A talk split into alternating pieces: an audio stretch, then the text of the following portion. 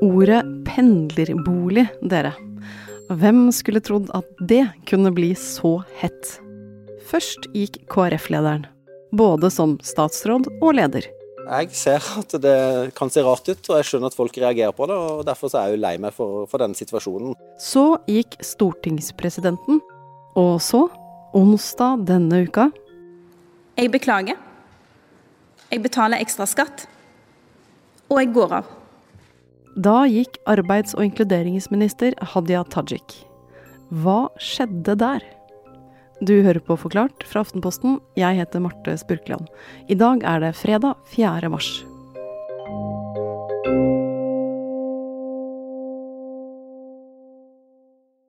Hadia Tajik er en av Arbeiderpartiet sine store stjerner. Hun er første nestleder, og mange omtaler henne som den mektigste kvinnen i partiet.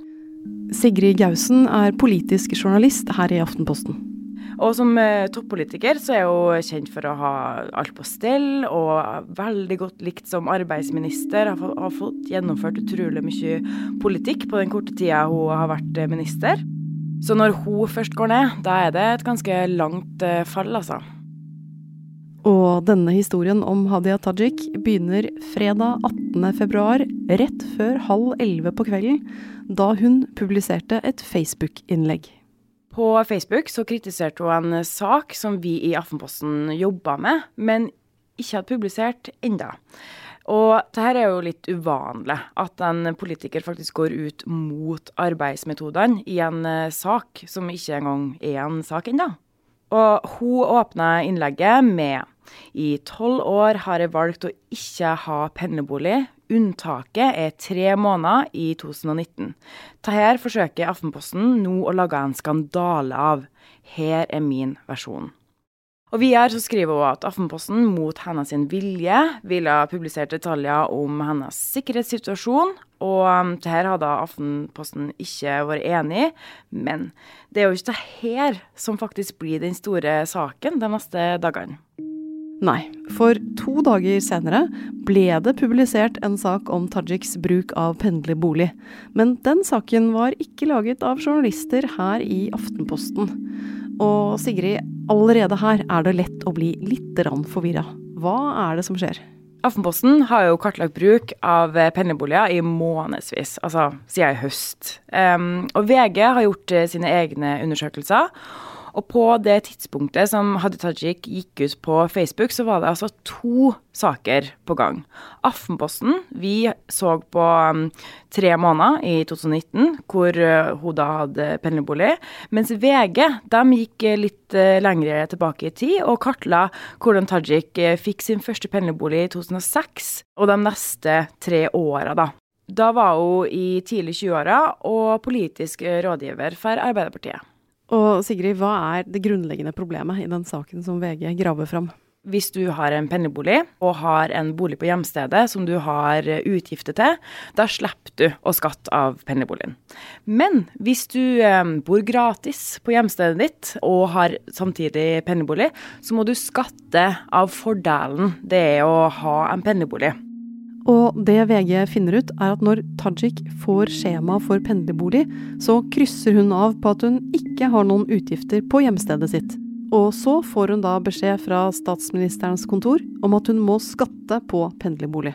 Og så, seks dager senere, så sendte hun inn en leiekontrakt for eh, en bolig i Rogaland, og forandra da på det skjemaet og sa at nei da, jeg opprettholder mine boligutgifter på hjemstedet. Problemet med dette var at eh, hun bodde alder i den leieboligen i Rogaland, og betalte heller alder leie for den. Ok, Så når dette kommer frem 15 år senere, hvordan forklarer Tajik det som skjedde?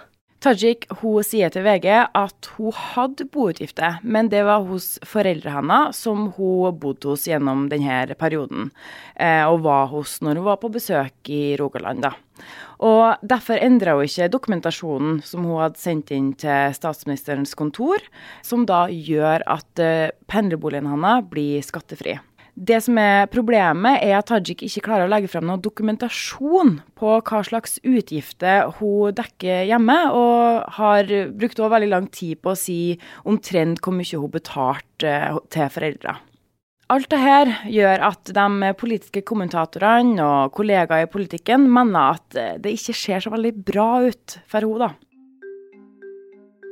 Ok, så Tajik sa at hun hadde utgifter hjemme, men det kan ikke dokumenteres. Og hun leverte en leiekontrakt på en bolig som det senere viste seg at hun ikke brukte. Og til sammen så blir det mange spørsmål som står ubesvart. Onsdag 23.2 postet Tajik et nytt innlegg på Facebook. Der forteller hun at hun nå vil rydde opp og betale ekstra skatt for verdien av pendlerboligen fra 2006 til 2010. Og i VG uttaler en skattejurist at denne verdien kan være inntil 200 000 kroner. Og Sigrid, hvilken rolle tar Tajik når hun uttaler seg de neste dagene? Er hun en angrende synder? Hun står på sitt. Hun mener at hun ikke har gjort noe galt. Og det er lenge siden, og hun husker ikke detaljene. og det er ikke mulig for hun da å legge frem noe dokumentasjon. Og Hun antyder flere ganger at eh, det skjer jo viktigere ting i verden enn hvilket papir hun sendte inn for 15 år siden. Og så, mandag denne uka, skjer det noe som blir et vendepunkt i denne saken. Tre mektige LO-topper Fagforbundets leder Mette Nord, LO-leder Peggy Hessen Følsvik og Fellesforbundets leder Jørn Eggum sier i VG at de mener at Tajik ikke har gitt gode nok svar på spørsmålene om pendlerboligen, og at hun nå må gjenopprette tilliten. Sigrid, hva skjer videre da? De her tre LO-lederne de er mektige folk. Når de snakker, da lytter hele arbeiderbevegelsen. Og spesielt når de gjør det rett før et sentralstyremøte i Arbeiderpartiet. Og når de krever svar, da må svar på banen. Og to dager senere, onsdag denne uka, begynner det virkelig å skje ting. For rett før klokka to. Da går det et lite jordskjelv hos alle politiske avdelinger i pressen, fordi at vi får en pressemelding om at Hadia Tajik skal ha pressekonferanse klokka to. Og da skjønner vi at uh, her kan hun faktisk uh, trekke seg. God dag og velkommen. Jeg var der i salen, og det var stinn brakke. Alle fra pressen var der.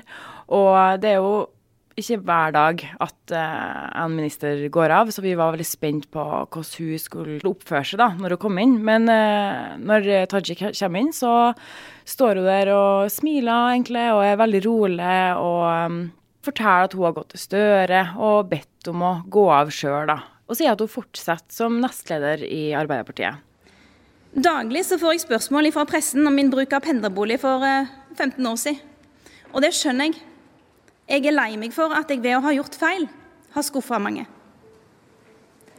Det ber jeg om tilgivelse for. Og i etterkant har mange ment mye om denne beklagelsen. Var den god nok? Og etter det som nå er sagt og gjort, har Tajik nok tillit til å gjøre det som hun har sagt at hun vil, nemlig fortsette som nestleder i Arbeiderpartiet.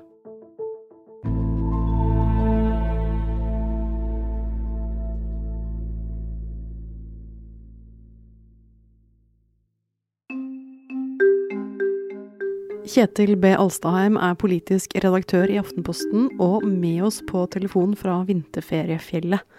Kjetil, hva tenkte du da du så arbeidsministerens pressekonferanse på onsdag? Selv da Arbeiderparti-nestleder og statsråd Hadia Tajik skulle gå av, så fremsto hun ikke som ydmyk og angrende. Ja, Hvordan fremsto hun da? Nei, hun, eh, hun var opptatt av å fortelle hvordan hun nå stiller opp for partiet som hun sa selv, eh, jeg viser at jeg setter partiet foran meg selv. Det hørtes jo litt rart ut når det var hun som hadde gitt seg den egenerklæringen. Det er jo hun som har skapt de problemene som partiet nå har fått. Og du skriver jo i en kommentar onsdag ettermiddag at Tajik burde vært tidligere ute med å ta ansvar. Når skulle hun ha tatt det ansvaret? Hun har hatt uh, mange muligheter til det. VG har jo gravd i denne saken over tid, og hun kunne tatt mer fatt i det på et tidligere tidspunkt, i de ukene som eh, VG har gravd i den saken. Og så hadde vi alle disse pendlerboligskandalene i høst. Det begynte rett før eh, valget i høst. Hun hadde mulighet da til å gå opp sin egen historikk og finne ut om hun hadde ting på stell eller ikke. Og så ikke minst så hun jo, burde hun jo vært ryddigere den gang, for 15 år siden, da hun ga statsministerens kontor feil informasjon. Men hvis hun hadde, som du sa, gått i sin egen historie i høst og funnet ut at oi, her er det ikke alt som stemmer, og så hadde hun lagt de kortene på bordet, hva hadde skjedd da? Det, det er vanskelig å si, men jeg tror hadde hun hadde hatt en annen mulighet da. Nå fremstår det som om hun blir drevet fra skanse til skanse. Hvis hun selv hadde tatt initiativ til å rydde opp, så ville hele saken fremstått ganske annerledes. Så en politiker som selv legger kortene på bordet og, og, ber om unnskyldning, kommer bedre ut av det enn de som ikke gjør det før noen begynner å grave i det de har drevet med? Det gir i alle fall et uh, helt annet uh, inntrykk av at du ønsker å rydde opp, enn når du begynner å rydde opp etter at uh, du har fått journalister på nakken. Nå sier jo Jonas Gahr Støre at han fortsatt har tillit til Hadia Tajik, og at han mener at hun dermed kan fortsette som nestleder i Arbeiderpartiet. Mens andre stemmer mener jo at hun bør gå av som nestleder. Eh, ser vi en maktkamp bygge seg opp nok en gang i dette regjeringspartiet? I Arbeiderpartiet blir alle slike ting med en gang tolket inn i den type rammer. Altså er det noen som vil hive Hadia Tajik som nestleder? Er dette en del av en maktkamp? Er det gamle konflikter som kommer opp på nytt? Og Det er jo noe av det som er uheldig for Arbeiderpartiet nå, at de får en sånn ny runde med mistanker, og der folk skuler på hverandre om hvilke motiver er det de egentlig har. Er det sånn at de bare bruker denne saken for å svekke Tajik og eventuelt prøve å presse henne ut? Og midt i det bråket her står jo Støre og skal lede partiet og landet. Hvor skadelig er det som har skjedd nå for ham? Det er jo å legge stein til byrden for Jonas Gahr Støre. Det har eh, jo ikke vært så veldig mange enkle dager for, eh, for ham etter at han tok over som statsminister i høst. Og nå står han da i tillegg midt oppe i håndteringen av den største sikkerhetspolitiske krisen i Europa på flere tiår. Så bare noe som illustrerer dette, var at uh, omtrent samtidig med at Hadia Tajik da fortalte at hun skulle gå av, så satt eh, Støre i telefonsamtale med den ukrainske presidenten. Så han har jo en del å håndtere akkurat nå. Hadia Tajik er jo den tredje toppolitikeren som går av etter skandaler knyttet til pendlerbolig. Og det har jo også vært snakk om at Stortingets administrasjon og systemet rundt politikerne kunne f.eks. ha gitt bedre veiledning.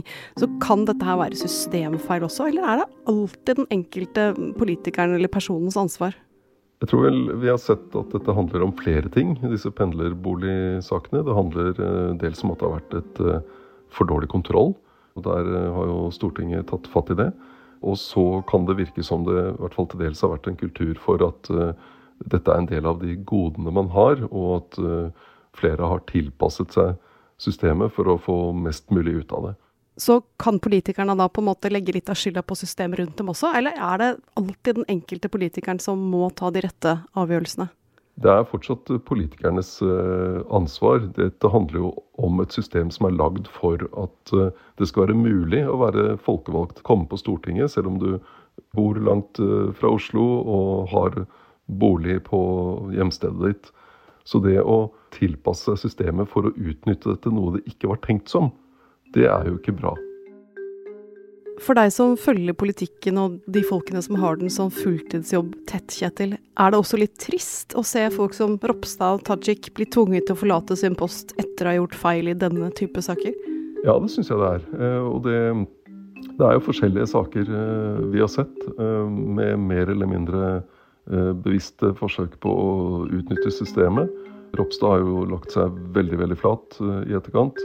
Eh, Hadia Tajik mener at hun egentlig hadde sitt på det tørre, men at hun skulle gitt riktigere informasjon og håndtert saken bedre. Og så er det trist for politikkens renommé, for det fremstår for mange som om det er mye juks og fanteri. Og de aller fleste politikerne har jo fulgt regler og har ikke prøvd å og melkesystemet, men også de rammes av, eh, av disse sakene. Det er eh, trist for politikkens omdømme. Så hva tror du, Kjetil, har vi nå sett den aller siste pendlerboligskandalen? Det, det, vet jeg ikke. Um, men eh, jeg tror ikke vi har sett den siste skandalen der en eller annen politiker blir tatt med noe fiffel eller ugrei bruk av reiseregninger, eller hva det er. Politikere er vanlige folk, de også. Og ikke alle holder eh, orden på det de skulle ha holdt orden på. Og da er det en del av vår oppgave å, å avdekke det.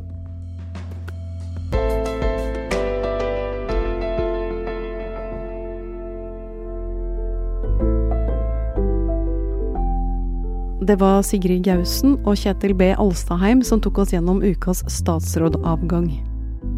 Du har hørt lyd fra NRK og regjeringen regjeringen.no.